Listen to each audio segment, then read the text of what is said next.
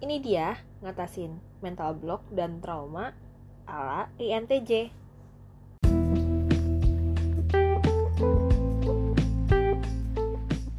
Hai guys, balik lagi sama gue Ken Ken di catatan si INTJ. Kali ini gue mau ngebahas soal mental block dan INTJ. Jadi kemarin tuh ada yang chat DM gue gitu di Instagram dan kasih topik yang menurut gue menarik sih. Dia nanya, gimana sih kak cara INTJ menghadapi mental block? In case misal kita pernah diperlakukan buruk sama seorang dan kita nggak akan pernah mau lagi berurusan sama dia. Kalau kakak pernah mengalami sekaligus mungkin pernah mengubah kondisi atau hubungan itu menjadi lebih baik lagi, boleh kak kasih tipsnya? Oke, sebenarnya gue mau bikin disclaimer dulu nih. Gue sama sekali bukan anak psikologi. Gue anak komunikasi. Ya, sebagai anak komunikasi kita belajar psikologi komunikasi dan uh, persuasive communication atau komunikasi persuasif yang uh, merujuk ke psikologis. Tapi memang uh, bukan psikolog seperti yang personality atau apa pun itu gitu. Ya balik lagi seperti description gue gue bukan psikolog tapi cuma suka monolog gitu. Dan gue suka membahas mengenai INTJ atau INTJ karena ya jarang ada yang tahu gimana INTJ itu bersikap. Secara kan kita langka banget ya kayak badak putih. Dan kalau kayak cuma psikolog yang ngomong atau orang lain gitu yang sebenarnya dia bukan uh, eh, INTJ rasanya aneh dan banyak hal yang kadang-kadang nggak tepat menurut gue karena itu by textbook kan tapi by diri kita sendiri ya there's a lot of different things banyak banget hal yang beda betul kan? Tapi gue sebagai INTJ karena sangat kompetitif dan sangat suka tantangan gue sangat merasa tertantang untuk membahas ini. Jadi gue coba menjelaskan berdasarkan konsultasi gue sama temen gue yang lulusan psikologi. Plus tentu aja karena memang uh, ini kan interpretasi gue terhadap penjelasan teman gue. Jadi ya ada juga pasti pemahaman gue sendiri. So kita dari tadi ngomongin mental block. Apa sih itu mental block? Teman-teman bisa search juga di internet. Basically mental block itu adalah kondisi yang dipicu oleh trauma. Mental block ini tuh terjadi biasanya karena ada satu peristiwa yang tidak menyenangkan yang kemudian berakibat pada ketidakinginan seseorang untuk berurusan dengan hal-hal yang membuatnya tidak nyaman tersebut. Ribet ya bahasanya, tapi gue kasih kayak practical example-nya aja, contoh praktisnya. Misalnya kamu um, gak suka makan pare karena pahit gitu, dan setelah itu kamu gak mau makan pare lagi karena dulu waktu kecil pas makan pare itu pahit gitu. Nah, mental block ini bisa terjadi kepada siapa saja, mau latar belakangnya apa pun, personality atau kepribadian apa pun, termasuk INTJ gitu. Nah, ini dia yang cukup menarik adalah banyak yang bilang bahwa INTJ itu katanya kan emotionless. Padahal enggak loh. Kalian bisa dengar di podcast gue sebelumnya, episode paling pertama tentang emotion INTJ. Kita nggak emotionless, tapi ya karena kita dikira emotionless, INTJ itu cenderung susah dengan mental block ini. Jadi kita tuh nggak akan mental block. Di sisi lain ada juga INTJ ini justru yang paling sering kena mental block sebenarnya. Jadi apakah INTJ adalah orang yang gampang kena mental block ini? Kalau iya gimana cara ngatasinnya? Terus balik lagi ke pertanyaan kalau mental block sama orang gimana jawaban gue untuk mental block itu kalau dari sisi uh, benda mati atau yang harus dilakukan itu bisa iya bisa enggak. Menurut gue sebagai INTJ gue cenderung bisa berkompromi. Selama logika gue mengatakan gue harus melakukan hal itu untuk keuntungan pribadi gue atau untuk keuntungan orang banyak pokoknya ada keuntungannya deh. Kayak yang paling simple deh gue nggak suka minum jamu karena waktu kecil minum jamu tuh pahit tapi sebagai INTJ yang sudah dewasa gue merasa gue harus minum jamu itu buat kesehatan gue jadi ya gue telan gitu Contoh praktikalnya mungkin dalam kehidupan pribadi gue adalah gue pernah juga trauma sama kerja kantoran.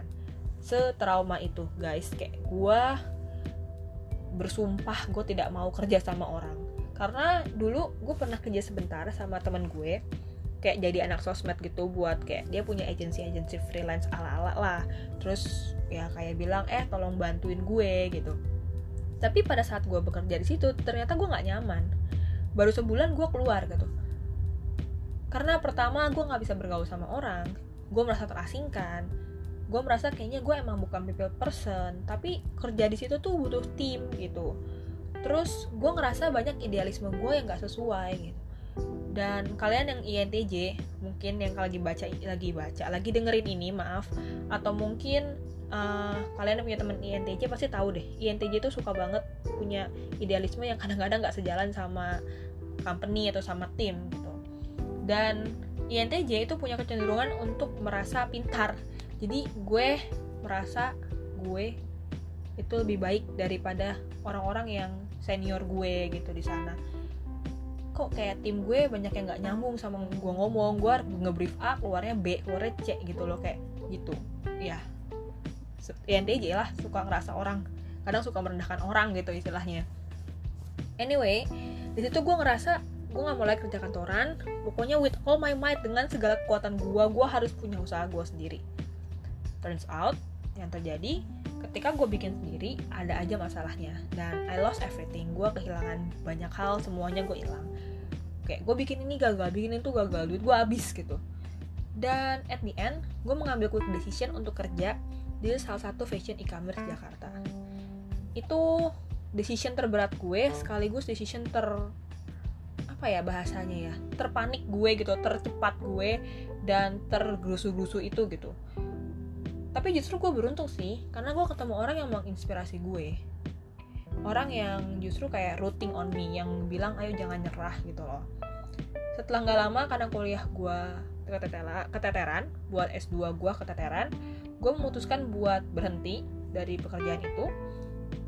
Tapi justru gue jadi agak ngaco lagi karena udah nggak ada support sistemnya gitu loh. Apa harusnya gue kerja lagi ya? Apa justru harusnya gue bikin usaha sendiri ya gitu. Dan setelah gue lulus S2 gue mau kayak apa? Itu kayak gue jadi ragu gitu bener-bener karena trauma ini dan itu tuh gue jadi merasa apa yang harus gue lakukan? Anxiety keluar ke mana-mana nggak jelas gitu. Kalau kalian tanya gimana gue sekarang? Uh, gue udah lulus S2 udah hampir 2 tahun dan udah mau 2 tahun juga gue bekerja di salah satu e-commerce di Indonesia yang cukup besar. Dan gue menikmati pekerjaan gue walaupun kadang emang anxiety itu masih suka datang. Yang namanya trauma itu emang gak bisa segampang itu hilang gitu loh dan mungkin juga karena pengaruh quarter life crisis gak sih? Kayak oh kenapa sih tiba-tiba gue cuma segini-segini aja gitu. Tapi anyway gue ngerasa gue bisa overcome trauma bodoh ini. Trauma bodoh gak mau kerja trauma bodoh kayak ngerasa bahwa uh, gue mau bikin usaha sendiri karena gue capek sama urusan sama orang gitu. Karena gue butuh uang itulah alasan gue bisa overcome. Kayak I need money for God's sake. Gimana gue bisa makan enak atau nikmatin hidup maksudnya bisa sih kalau gue goler-goler di rumah tiap hari tidur tiduran gue juga dapat makan nyokap gue masak gitu. Cuma kan ya nggak gitu juga kan ya bambang ya maksudnya that's not the point gitu. Jadi ya bisa selama kita menggunakan logika kita gitu. Walaupun memang ternyata nggak segampang itu gimana kalau mental block sama seorang nih sekarang pertanyaannya? Gini ya buat bersosialisasi aja kita sulit. Apalagi ginian gitu. Dan in addition sebagai tambahan gue INTJ itu orangnya kompetitif. Kompetitif dalam artian gak terima kalau diperlakukan jelek sama orang lain. Jadinya agak sulit sih gitu. Kalau misalnya tadi itu kan kerjaan kan bisa kita overcome ya dengan gampang. Tapi kalau sama orang lain yang harus berhubungan nah berat um, biasanya kalau kita ngomongin orang nyebelin orang paling nyebelin itu siapa ya? Mantan. Gimana? Karena menurut gue ya mantan itu pasti orang paling nyebelin di hidup kita gak sih? Mari kita bicarakan mantan aja kalau gitu. Hmm, banyak orang yang bisa berteman sama mantan ya. Tapi gue nggak. Dan gue punya teman INTJ juga nggak bisa berteman sama mantannya. Dan gue nggak tahu sih maksudnya kenapa orang bisa berteman sama mantan ya. Tapi gue baik-baik aja. Putusnya baik-baik gitu misalnya. Nggak bisa loh. Kayak gue ngerasa gengsi aja. Kayak ntar kesannya masih ngarep gak sih? Bahkan ya guys FYI gue kan INTJ dan INTJ itu agak sulit ya menentukan pasangan gitu. Jadinya memang gue baru pacaran baru sekali. Dan ini pun bukan jadi yang mantan gue ini mantan mantan lainnya ini bukan mantan beneran gitu. Gebetan doang. Itu aja rasanya berat. Oke? Okay? I mean ya even keluar baik-baik gitu. Karena mungkin gini sih kita aja kalau nggak ada masalah aja itu aja susah awkward. Kita harus gimana kita harus berbuat apa itu aja tuh kita awkward. Apalagi yang tiba-tiba ada masalah. So gimana bisa baik-baik aja sulit gue nggak bilang itu gampang. Karena gengsi kita yang tinggi ini kayak gue tuh ngerasa aduh mati aja deh lu musnah aja deh lu gitu kayak gitu loh. Adalah perasaan kayak gitu pasti. Walaupun padahal secara itu baik-baik aja gitu loh udahannya tapi tetap ya tidak seperti yang dilihat tidak seperti orang lain yang kadang bikin kita ngiri gitu. Jadi gak ada tips yang terlalu berarti kecuali pakai otak use your brain. Kalau memang mantan lo ini orang ini dirasa memang gak ada ke apa istilahnya kebutuhan kepentingan signifikansinya sama keseharian lo ya udah let gue aja. Karena kita nggak bisa ngapa-ngapain. Gak usah dipaksa buat berhubungan karena cuma akan menghabiskan energi lo cuma akan menghabiskan uh, kesabaran lo cuma akan bikin lo makin menderita tapi kalau masih berhubungan kayak misalnya teman kantor atau teman sekolah teman kuliah mungkin kalian masih satu tim di project-project kuliah kalian. Atau uh, mungkin ini uh, teman baik lo yang satu geng juga atau gimana. Coba bisa pelan-pelan kita redam ego sama gengsi kita. Mungkin bisa bicara seperlunya. Tahu sih berat sih kayak dia datang aja lihat mukanya lo udah muak gitu kan. Tapi jangan dipaksa gitu percaya pelan pelan pelan. Bicara seperlunya buka diri seperlunya. Ken pernah nggak ngalamin ini? Pernah. Dan ya itu yang gue lakukan sih. Sampai sekarang emang hubungannya pasti nggak bisa sebaik dulu. Tapi itu udah lebih baik gitu loh. Karena ya gue percaya bahwa hubungan manusia itu dasarnya adalah hubungan yang paling rumit yang pernah ada dalam dunia ini gitu kayak uh, rumit banget susah banget gitu loh. Dan gue nggak bisa chill sama hal-hal yang kayak gini gitu. Jadi ya untuk yang seperti ini sih take it slow. Nggak perlu diuber nggak perlu dikejar. Pelan-pelan lagi. Kita sebagai INTJ kan emang harus pelan-pelan pelan-pelan membangun gitu. Dan buat kalian yang non INTJ yang bukan INTJ tapi mungkin lagi bermasalah sama INTJ terus kalian ngerasa udah baik-baik aja. Tapi INTJ-nya kok ketus nyebelin kok ngajak ribut lagi. Ya emang kita belum bisa. We need time. Dan kalian tuh kalau emang kayak if you are kind enough gitu kalau kalian memang cukup baik kalian bisa coba break the ice cairin suasana. Dan kalau kita jawabnya ketus ya emang butuh waktu aja oh iya. Kalian pasti pernah dengar cinta sama benci itu beda tipis. Ketika gue berantem sama orang INTJ berantem sama orang biasanya tuh orang-orang yang dengerin ceritanya akan bilang gila sih lo jadi benci mampu sama tuh orang gitu. Karena INTJ tuh serapuh itu dan saat menyayangi seorang kita sayang banget sama orang itu. Mau kamu temen mau kamu pacar mau kamu siapa pun.